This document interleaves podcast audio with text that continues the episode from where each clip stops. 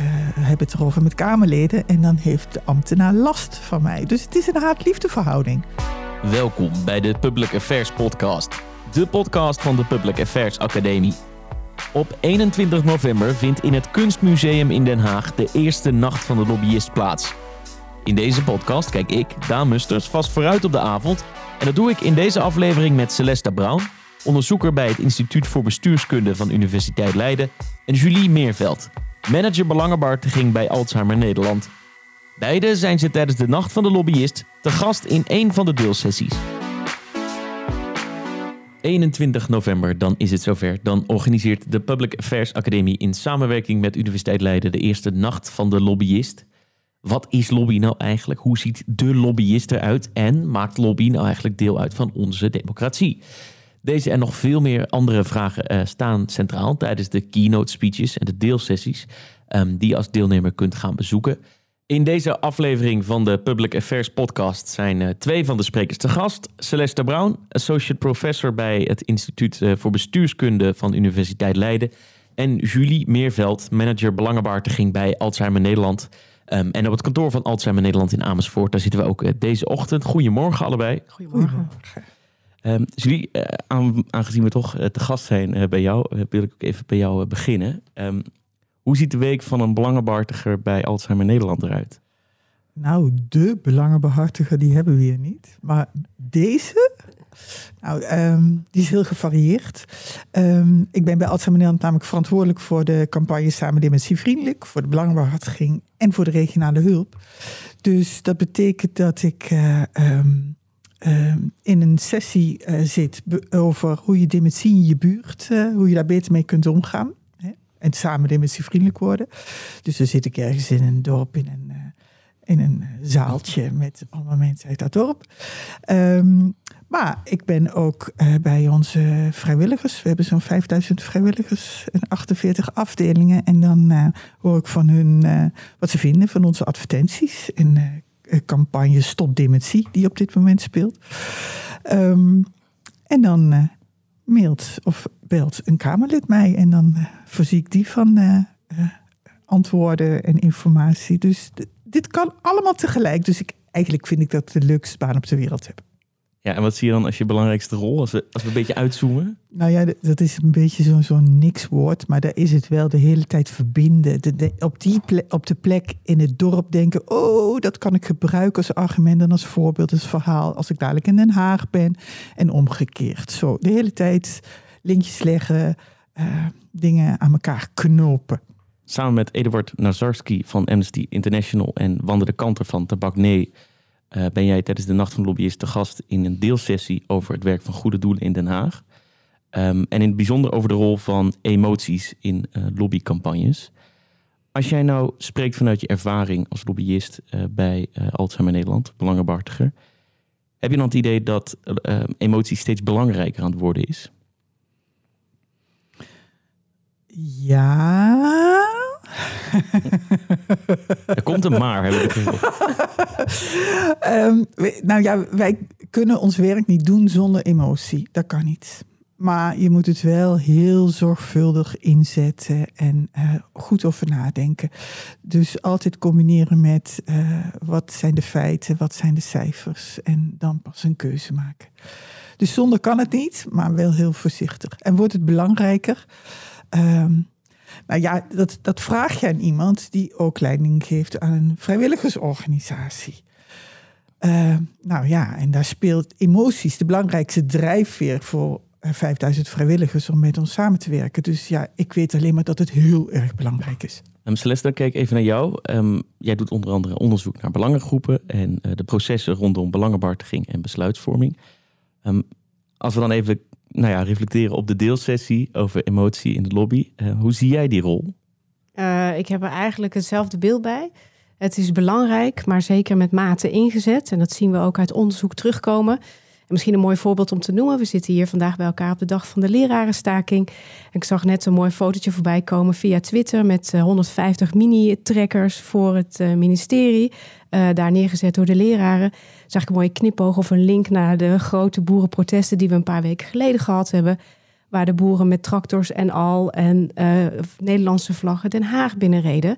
En ik denk dat dat ook een duidelijke eh, link is met emoties en identiteit vooral. Dus ja, belangrijk, wel wat belangrijker inderdaad.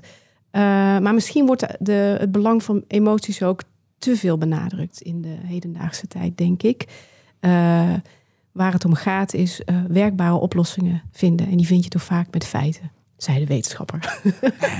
ja, want wat bedoel je daarmee? Dat dat het vaak dat emotie te ver doorschiet? Of? Ik denk dat de nadruk er te veel op ligt. En dus ook de negatieve weerslag die het kan hebben. Dus dan denk ik aan reputatie en al dat soort zaken. Terwijl je eigenlijk gewoon met elkaar zou moeten durven zoeken naar haalbare en de beste oplossingen voor een bepaald probleem. Ja, en dat levert soms frictie op. Oké, dat is dan zo. Is dat herkenbaar? Nou ja, ja eens. Um, maar zonder die emotie kan ik mijn werk niet doen. Ja. Want uh, um, nee, ja, zo'n voorbeeldje van een paar jaar geleden. We begonnen de campagne Samen Dementievriendelijk. Nou willen we eigenlijk heel Nederland bereiken en zorgen dat ze iets gaan doen om het leven voor mensen met dementie wat makkelijker, wat vriendelijker te maken. Dus hebben we begonnen met een filmpje met, dat was een animatiefilmpje. Dat was in die tijd was dat best wel hip.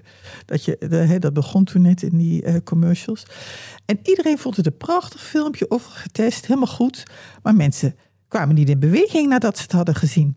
Dus toen hebben we toch een heel andere soort uh, ingang gekozen. Met echte mensen, uh, een man op straat um, die uh, helemaal de kluts kwijt is. En dan toevallige voorbijgangers die gefilmd worden met een verborgen camera.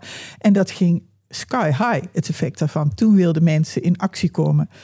Um, dus zonder emotie kan het gewoon niet.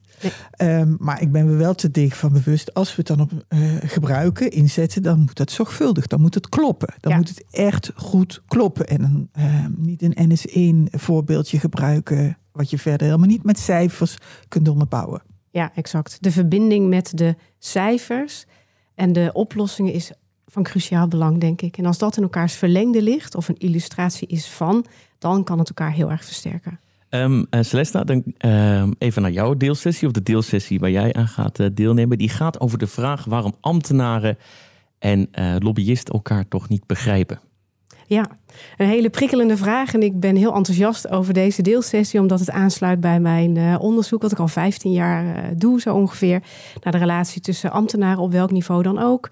internationaal, Europees, nationaal, lokaal en allerlei belangenverenigingen dus de samenleving in Nederland, uh, civil society heet het dan zo netjes in het Engels. En je ziet daar uh, voor een deel dat ze elkaar wel begrijpen, maar voor een deel ook niet.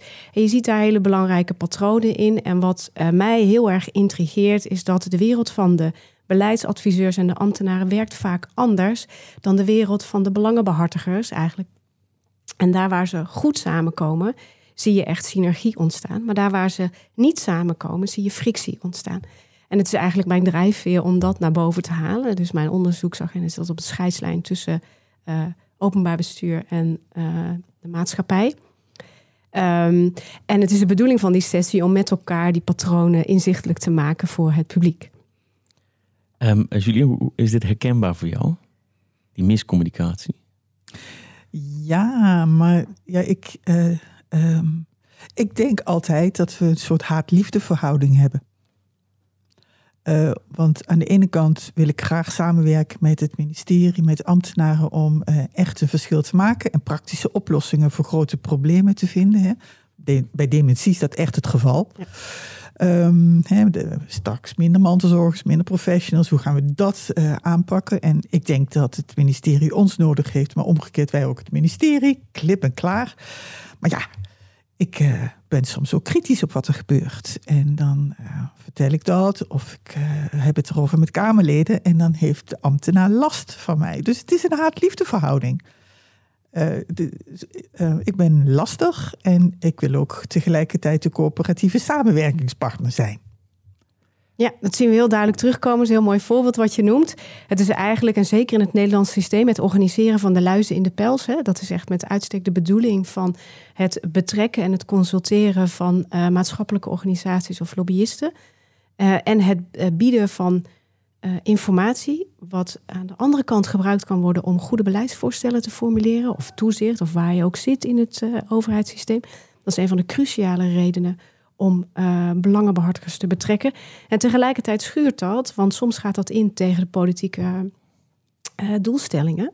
Uh, en dan kan het niet. En dat levert frictie op. En dat is een lastige spanning die we heel, in heel veel onderzoek terugzien. Maar je kan daar wel doorheen breken.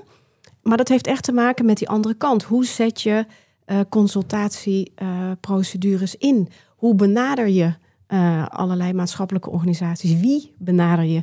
Durf je ook eens buiten je usual suspects te kijken? Wat ook mooi uit onderzoek van mijn collega Bert Vrouws uh, naar voren komt.